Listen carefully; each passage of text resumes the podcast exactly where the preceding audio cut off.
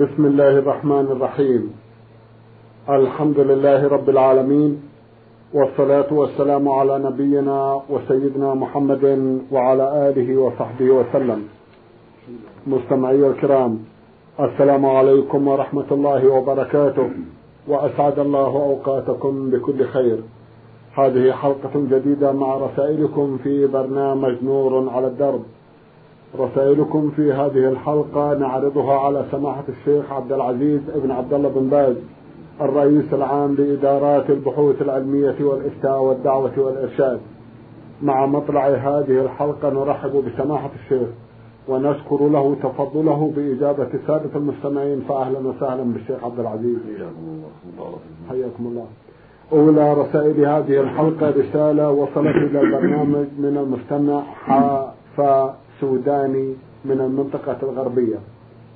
أخونا له سؤال يقول فيه أعرفكم أنا في كل ليلة جمعة أصلي في الليل تسعا وأربعين ركعة ثم في شهر رمضان أصلي تسعا وتسعين ركعة. أفيدوني عن صلاتي هذه ما حكمها؟ هل أستمر أم توجهوني إلى شيء آخر؟ جزاكم الله خيرا. بسم الله الرحمن الرحيم. الحمد لله وصلى الله وسلم على رسول الله وعلى آله وأصحابه ومن اهتدى أما بعد فإن الصلاة في الليل لم يحدث الشارع عليه الصلاة والسلام بل أطلقها للعباد وما يقوله الرسول صلى الله عليه وسلم شرع محترم لأنه ما ينطق عن الهوى إن إلا وحي يوحى كما قال الله عز وجل والنجم إذا هوى ما ضل صاحبه وما غوى وما ينطق عن الهوى إن هو إلا وحي يوحى. والمراد به نبينا عليه الصلاة والسلام. وقد ثبت في الصحيحين عنه عليه الصلاة والسلام أنه قال صلاة الليل مثنى مثنى فإذا خشي أحدهم الصبح صلى ركعة واحدة تنكر له ما صلى. فلم يحدد. عددا معلوما. بل قال صلاة الليل مثنى مثنى يعني ثنتين ثنتين نعم. فله يصلي عشرا وله يصلي مئة وله يصلي أكثر وأقل. ثم يختم بركعة واحدة قبل الصبح. طيب. لكن الأفضل أن يقتصر على إحدى عشرة أو ثلاثة عشرة. تأسيا بالنبي عليه الصلاة والسلام. لأنه ثبت عنه صلى الله عليه وسلم أنه في غالب أوقاته يوتر بإحدى عشرة. وربما أوتر بثلاثة عشرة. وربما أوتر بأقل من ذلك عليه الصلاة والسلام. فإذا فعل المؤمن كما فعل عليه الصلاة والسلام مع العناية بإطاعة الركوع والسجود والقراءة فهذا أفضل. وإن زاد صلى عشرين كما فعل أصحاب النبي صلى الله عليه وسلم في عهد عمر مع الإيتار بثلاث. الجمع ثلاث وعشرون أو صلى تسعا وأربعين أو ثلاثة وأربعين أو إحدى وأربعين أو أكثر أو أقل أو تسعة وتسعين أو مئة وواحدة أو أكثر من هذا كل ذلك لا لا حرج فيه. فإنه يصلي ما يسر الله له. ومن زعم أن الصلاة محدودة فقد غلط. لا في رمضان ولا في غيره غير محدودة. وليس لأحد أن يحدد شيئا ما شرعه الله. فإن العبادات توقيفية. ليس لأحد أن يحدد شيئا في الليل أو النهار بغير حجة شرعية. قال الله جل وعلا لأهل الكتاب لما قالوا لا يدخل الجنة إلا من كان هدى نصارى قال لهم سبحانه قل هاتوا برهانكم إن كنتم صادقين. وقال النبي صلى الله عليه وسلم من أحدث في أمرنا هذا ما ليس منه رد متفق على صحته وقال عليه الصلاة والسلام من عمل عملا ليس عليه أمرنا فهو رد أي مردود. فمن قال إن الصلاة في الليل لا يزال لا يزال فيها على إحدى عشرة أو على ثلاثة عشرة أو أقل أو أكثر فليس عنده دليل. بل هو غالط في ذلك. لا يجوز تقليده ولا اتباعه في هذا الغلط ولكن للمؤمن أن يصلي ما يسر الله له. صلي ثلاثا صلي واحدة صلي خمسا صلي سبعا صلي تسعا يصلي إحدى عشرة يصلي ثلاثة عشرة يصلي غير ذلك. كما قال عليه الصلاة والسلام صلاة الليل مثنى مثنى. اللهم صل زاد أهل السنن صلاة الليل والنهار. يصلي جيد صلاة الليل مثنى مثنى. وهكذا فهم الصحابة. رضي الله عنهم أعلم وهم أعلم الناس بعد الأنبياء. وصلوا ثلاثة وعشرين وصلوا أكثر من ذلك. والأمر في هذا واسع. ليس فيه تحديد هذا هو الحق. وأنت أيها السائل الأفضل لك أن تصلي ثلاثة عشرة أو إحدى عشرة بالركود والطمأنينة في الركوع والسجود وإطاعة القراءة والتدبر هذا هو الأفضل. وإن صليت أكثر أو أقل فلا حرج في ذلك والحمد لله جزاكم الله خيرا ونفع بعلمكم. يسأل أخونا ويقول لي أخ أكبر مني وكان في زينة وكان يحمل سلاحا ويطلق عيارات نارية في الهواء وفي أثناء ذلك يقول لي أخ أكبر مني وكان في زينة. وكان يحمل سلاحا ويطلق عيارات نارية في الهواء. وفي أثناء رميه في الهواء أصاب أحد الأشخاص فتوفي ماذا على أخي أن يفعل؟ إذا كان أصابه خطأ فإن عليه الدية والكفارة. والدية يحملها العاقلة وهو العصبة الأقرب فالأقرب. وعليه كفارة وهي عتق رغبة مؤمنة فإن لم يستطع صام شهرين متتابعين. بقول الله سبحانه وتعالى وما كان للمؤمن أن يقتل من إلا خطأ. ومن قتله خطأ فتحرير رقبة مؤمنة ودية مسلمة إلى أهله إلا أن يصدق فإن سمحوا عن الدية فلا بأس. أما الكفارة فعليه الكفارة وهي لازمة. كما نصت عليه الآية الكريمة. نعم. لكنها عتق رغبة مؤمنة فإن عجز صام شهرين متتابعين ستين يوما. نعم. جزاكم الله خيرا. من فرنسا رسالة بعث بها أحد المستمعين ويبدو أنه من إخواننا التونسيين اسمه طبران باكو. يسأل ويقول أرجو أن تفيدونا كثيرا عن حقيقة التوسل. وما يجوز وما لا يجوز. لأن عندنا أكثر الدعاء بالتوسل إما بالأنبياء أو بالأولياء أو أهل بدر وأنا بنفسي لست أحبها فأنا بحاجة إلى المساعدة والإرشاد. أرجو الإجابة. جزاكم الله خيرا. التوسل قسمان. قسم شرعي مأمور به وقسم منكر منهي عنه. فأما التوسل الشرعي فهو أنواع أربعة. النوع الأول التوسل بتوحيد الله والشهادة له بالتوحيد الوحدانية واليمين بالرسالة كما في حديث بريدة عند أهل السنة بإسناد صحيح. أنه سمع النبي صلى الله عليه وسلم رجلا يدعو ويقول اللهم إني أسألك بأني أشهد أنك أنت الله لا إله إلا أنت الأحد الصمد.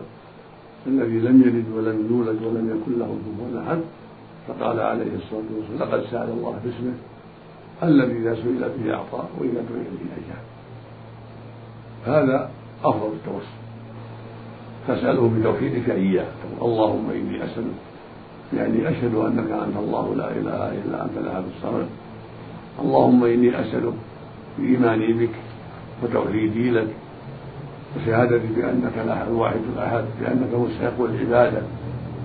اللهم إني أسألك بأني أشهد أنك أنت الله لا إله إلا أنت وأن محمدا عبدك ورسولك. اللهم إني أسألك بإيماني بك وإيماني بجميع المرسلين أن تغفر لي وأن ترحمني أو ترزقني كذا أو تمنحني العلم النافع والعمل الصالح أو ترزقني زوجة صالحة أو ذرية طيبة أو ما أشبه ذلك. النوع الثاني التوسل بالعمل الصالح.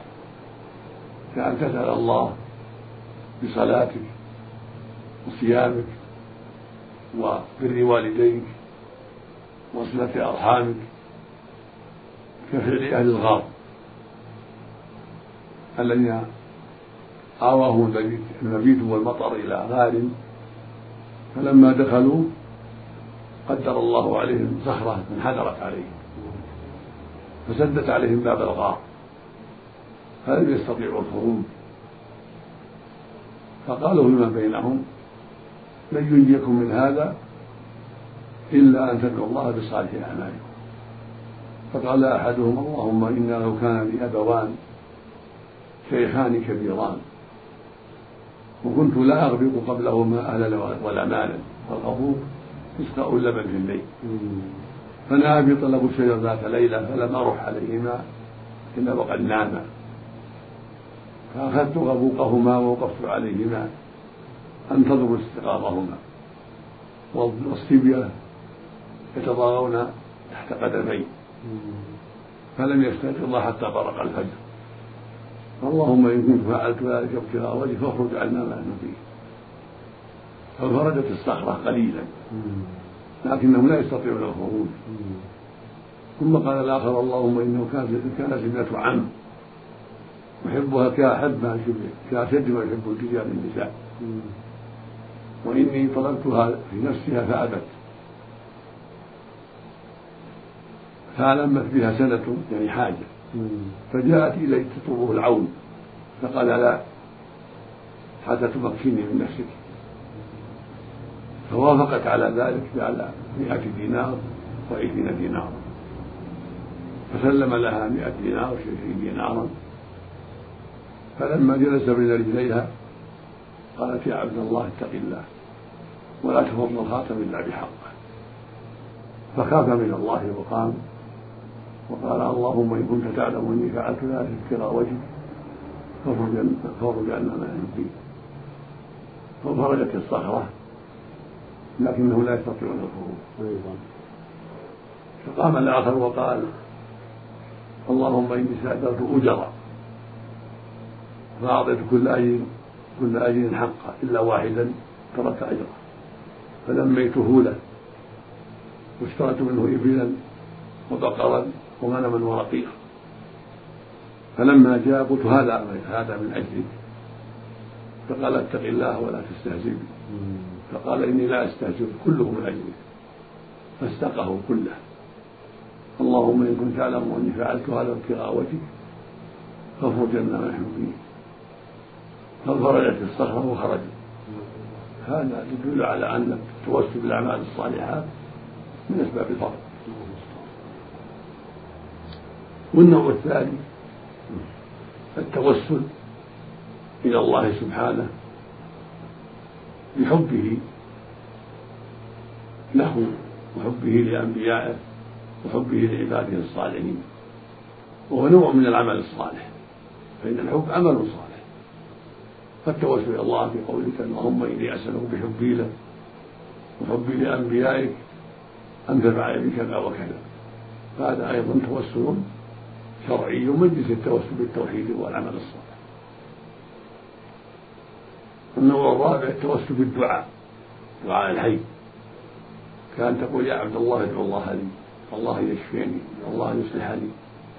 كما كان الصحابة يقول يا رسول الله ادعو الله لنا ادعو الله يغيثنا الله يصلحنا هذا أيضا توسل شرعي تقول لاخيك ادعو الله لي أن يشفيني الله لي أن يغفر لي أن يهبني ذرية صالحة.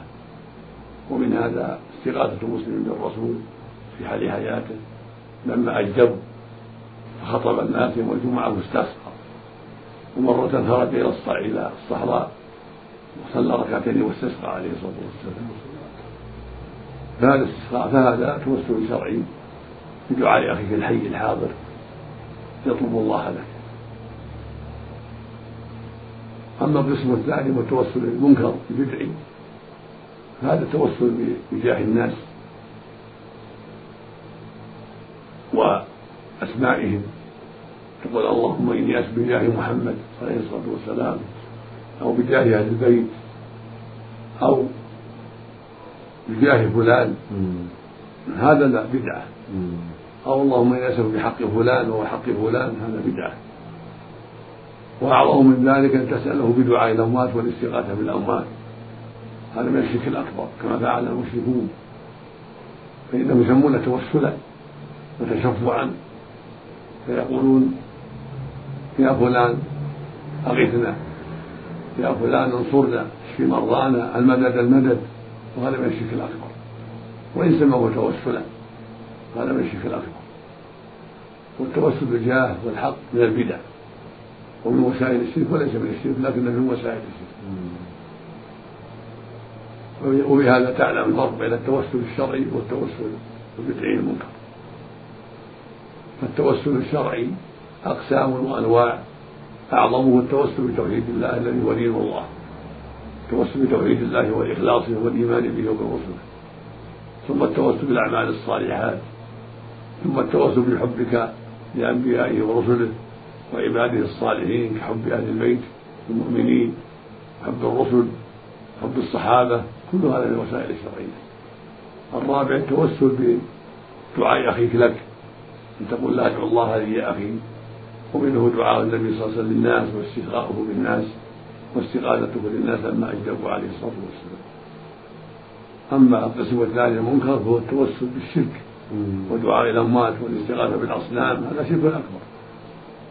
وهذا معنى قوله جل وعلا في حق المشركين ويعبدون من دون الله ما لا يضرهم ولا ينفعهم ويقولون هؤلاء شفعاؤنا عند الله. ومعنى قوله وإذا اتخذوا قوله سبحانه ما نعبدهم إلا ليقربونا إلى الله زلفى. ومن اتخذوا من دونه أولياء ما نعبدهم إلا ليقربونا إلى الله زلفى. هذا توسل بالشرك وعبادة غير الله نعوذ بالله. وهذا شرك أكبر. ومنه التوسل البدعي هو التوسل بجاه الأنبياء أو جاه الصالحين أو حق الأنبياء وحق الصالحين أو ذوات الأنبياء أو ذوات الصالحين. اللهم إني أسأل بنبينا أو بعمر أو بأبي بكر هذا من البدع. وفق الله الجميع صلى الله وسلم على نبينا اللهم صل وسلم على سيدنا محمد. جزاكم الله خيرا. ونفع بعلمكم. ننتقل إلى رسالة أخرى. وصلت إلى البرنامج من جمهورية مصر العربية. وباعثها المستمع حسين حسن نجم في أحد أسئلته يقول يكثر عندنا النمل وكذلك يهرب النحل من خلاياه المجاورة لنا. ونخاف بطبيعة الحال من أذاه فنقتله بطرق متعددة. سمعنا أحد الناس يقول إن هناك حديث عن النبي صلى الله عليه وسلم يقول لا تقتلوا النمل ولا النحل ولا الهدهد ورابع لم أسمعه. أرجو التكرم بالإفادة عن هذا الموضوع. جزاكم الله خيرا. نعم صح النبي صلى الله عليه وسلم قال إنه نهى عن أربع عن قتل النملة والنحلة والهدهد والصرد لكن ذكر أهل العلم أنها إذا لم تؤذي فاما إذا آذت الناس اذى النمل الناس أو آذاهم النحل فلا مانع. كما قال النبي صلى الله عليه وسلم يقتل خمس من الدواب في الحل والحرم. الغراب والحداء والعقرب والفأرة والكلب العقوم اللفظ الآخر والحية. هذه مثلها. إذا عاداكم النمل ولا يندفع شره إلا بقتله فلا مانع من قتله بما يزيل أذاه. وهكذا النحل إذا آذاكم ولم يتيسر صده عنكم إلا بقتله فلا بأس بذلك. نعم. جزاكم الله خيرا. مستمع يقول هو عبد الحكيم أحمد علي الشعراني ذات يوم خرجت من العمل متوجها إلى البيت فوجدت في طريقي مرزبة صغيرة فأخذتها. أرجو الإفادة. هل يجوز لي ذلك أو لا؟ نعم إذا كانت حقيرة فلا بأس بها إذا كانت قيمتها كذا كثيرة فلا مانع من أخذها والانتفاع بها كالحبل والعصا وشسع النعل ونحو ذلك. إذا كانت قيمتها عشرة ريال عشرين ريال ثلاثين ريال فإنها في وقتها الآن لا قيمة لها. فالأمر في هذا واسع إن شاء الله. جزاكم الله إلا أن تعرف صاحبها فأعطها إياه. وهو الأولى. إذا عرفت جزاكم الله خيرا. يقول أردت أن أطرد هرا من العمارة ليخرج خارجها لكنه قفز من أعلاها فوقع في الشارع ومات. هل أكون آثما؟ لا حرج في ذلك إن شاء الله. نعم. مستمع بعث برسالة يقول فيها أفادكم الله أفيدوني عن هذا الموضوع. أولا شاءت إرادة الله سبحانه وتعالى أن نقترض من أحد الأشخاص مبلغ خمسين دينارا عراقي كدين إلى أن أرده له. وشاءت الإرادة أن سافرت إلى السعودية دون أن أتمكن من مقابلته. وقد وافاه الأجل وهو في غربته قبل أن نتقابل. وطبعا المبلغ دين في عنقي مع العلم أن نصرة الفقير معنا في المنطقة بالسودان وهو أعزب وأريد أن أرد المبلغ إلى أسرة الفقير لكن ما هي الطريقة التي أرد بها هذا المبلغ؟ هل أرده دينارات كما أخذتها مع العلم أن الدينار نفسه في السودان ليس له أي قيمة تذكر إلا إذا حول إلى عملة أخرى مثل الريال أو الدولار؟ أم أردها ريالات فيما يعادل المبلغ المستلف أم أردها عملة سودانية فيما يعادل المبلغ في حالة تحويله إلى تلك العملات المذكورة؟ أفيدوني عن هذا جزاكم الله خيرا. الواجب عليك أن ترد قرض إلى أهله كما أخذته فإذا كان رجل معروف الأسرة فالواجب عليه أن ترده إلى ورثته. على ما أخذته. سواء غلا أو رخص ترد بالدنانير التي أخذت منه على حالها. فإذا اتفقت مع الورثة على غيرها بالسعر الحالي فلا بأس. فإذا اتفقت معهم على أن ترد عليه لهم بالريال السعودي بالجنيه الاسترليني بالدولار وقت الاجتماع بهم والاتفاق معهم على السعر فلا بأس بذلك. وإلا فالواجب عليك أن ترد ما أخذت على ورثته بعد التأكد من الورثة نعم. جزاكم الله خيرا. رسالة وصلت إلى برنامج من أحد الإخوة المستمعين هو الأخ علي حاج محمد من أثيوبيا. يسأل ويقول حديث يحتج به القبوريون على استغاثتهم بأوليائهم. قال قال رسول الله صلى الله عليه وسلم سل. فقلت أسألك مرافقتك في الجنة. فقال أو غير ذلك؟ فقلت هو ذا.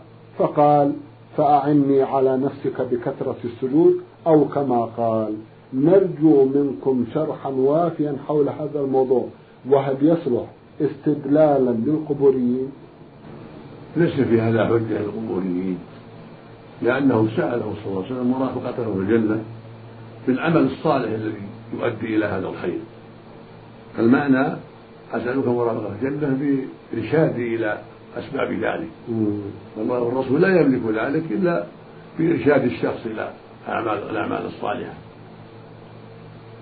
فإنه صلى الله عليه وسلم أمره الله يخبر الناس. قل لا أملك نفسي نفعا ولا ضرا إلا ما شاء الله. قل إني لا أملك لكم ضرا ولا رشدا.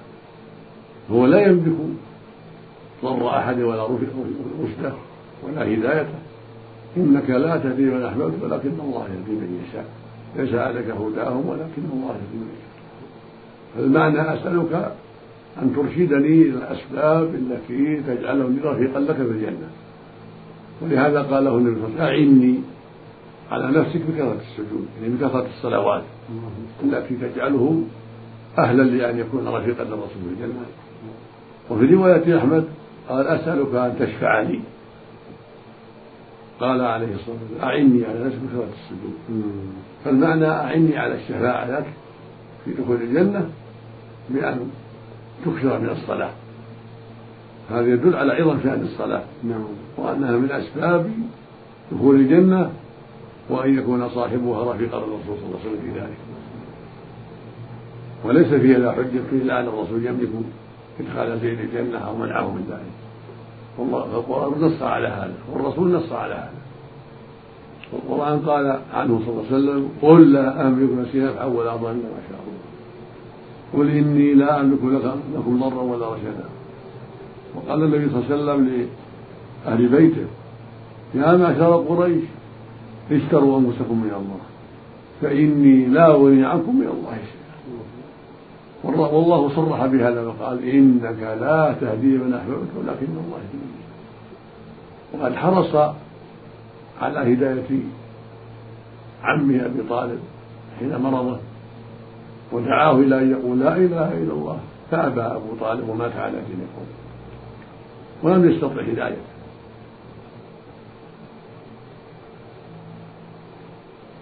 تنبيه وقع في سؤال السائل الذي قبل هذا. شاءت إرادة الله. ولا ينبغي هذا التعبير. فلا يقال شاءت إرادة الله. ولا شاءت قدرة الله ولكن يقال شاء الله سبحانه كذا وكذا. شاء الله كذا وكذا قدر الله كذا وكذا. هكذا ينبغي. لأن الإرادة والقدرة ليس لها مشيئة. المشيئة لله وحده سبحانه بارك الله فيك. ولو شاء ربك ما فعلوا. ما شاء الله كانوا ما لم يشاء يكون نعم. جزاكم الله خيرا. يسأل ويقول ما حكم القراءة؟ أي قراءة ياسين على المقابر بعد الفراغ من الدفن وقبله. والتهليل سبعين ألف مرة للميت. وفي ثالث أيامه يحتفلون ويذبحون خير بقرة له. ثم في الخامس عشر وفي تمام الشهر من وفاة الميت يحتفلون ويذبحون ويأكلون. ولا يبالون بما بقي لليتامى والورثة. ما حكم الشرع في مثل هذا؟ في نظركم جزاكم الله خيرا. يقول ما حكم القراءة؟ أي قراءة ياسين على المقابر بعد الفراغ من الدفن وقبله. والتهليل سبعين ألف مرة للميت. وفي ثالث أيامه يحتفلون ويذبحون خير بقرة له. ثم في الخامس عشر وفي تمام الشهر من وفاة الميت يحتفلون ويذبحون ويأكلون ولا يبالون بما بقي لليتامى والورثة. ما حكم الشرع في مثل هذا في نظركم؟ جزاكم الله خيرا. كل هذا بدعة لا أصل له في الشرع الياسين لا تقرأ على الأموات ولا على القبور وإنما تقرأ على محتضر قبل أن يموت كما جاء في الحديث الشريف. وإن كان في سنده مقال لكن صححه بعض أهل العلم فلا بأس بقراءته على المحتضر قبل أن يموت قراءة سورة ياسين أما قراءته على الميت بعد الموت أو على القبر فهذا لا أصل له ولا يشرع بل هو بدعة. وهكذا التسبيح له الاستغفار له سبعين ألف مرة كذا لا أصل له. وهكذا الاحتفال بالذبح له بالذبح لله في ساعة الموت أو خمسة عشر بعد الموت أو على رأس الشهر أو بعد ذلك على رأس الأربعين أو على رأس السنة كل هذا من البدع. لا يجوز لهم أن يفعلوا لا من أموالهم ولا من أموال الورثة لأن الرسول ما فعل هذا ولا فعله أصحابه رضي الله عنهم الخير في اتباعهم. وقد قال الله جل وعلا لقد كان لكم في رسول الله أسوة حسنة. وقال صلى الله عليه وسلم من عمل عملا ليس على يومه رد. فلا يخص بدعاء ولا بالشفاء سبعين ألف ولا عشرة آلاف ولا ألف ولا ألفين لا شيء مقدر. يدعى له بالمغفرة والرحمة ولأموات المسلمين. يصدق عنه لا بأس يضحى عنه لا بأس. أما الاحتفال بشيء معين من الذبائح في يوم معين يوم الموت أو ثالث الموت أو عاشر الموت أو خامس عشر أو بعد شهر أو بعد سنة كل هذا من البدع. يجب التناهي عن هذا ويجب التناصح بين المسلمين في ذلك ويجب على من يعلم إرشاد من لا يعلم. هكذا يجب على المسلمين التناصح نعم. والتواصي بالحق حتى تزول البدع ويقل الشر. قال الله عز وجل في وصف الرابحين والعصر إن الإنسان في خسر إلا الذين آمنوا وعملوا الصالحات وتواصوا بالحق وتواصوا بالصبر. وقال عليه وقال جل وعلا وتعاونوا على البر والتقوى. ولا تعاونوا على الإثم والعدوان. واتقوا الله إن الله شديد العقاب. واخذ الذبائح من اموال اليتامى أو من اموال الورثه ظلم وإذا رضوا بذلك فهذا جهل وبدعة من عمل الجاهلية. فالواجب الحذر والتناصر. نعم. جزاكم الله خيرا. سماحة الشيخ في الختام أتوجه لكم بالشكر الجزيل بعد شكر الله سبحانه وتعالى على تفضلكم بإجابة السادة المستمعين وآمل أن يتجدد اللقاء وأنتم على خير. مستمعي الكرام كان لقاؤنا في هذه الحلقة مع سماحة الشيخ عبد العزيز ابن عبد الله بن باز الرئيس العام لإدارات البحوث العلمية والإفتاء والدعوة والإرشاد. شكرا لمتابعتكم وإلى الملتقى وسلام الله عليكم ورحمة وبركاته.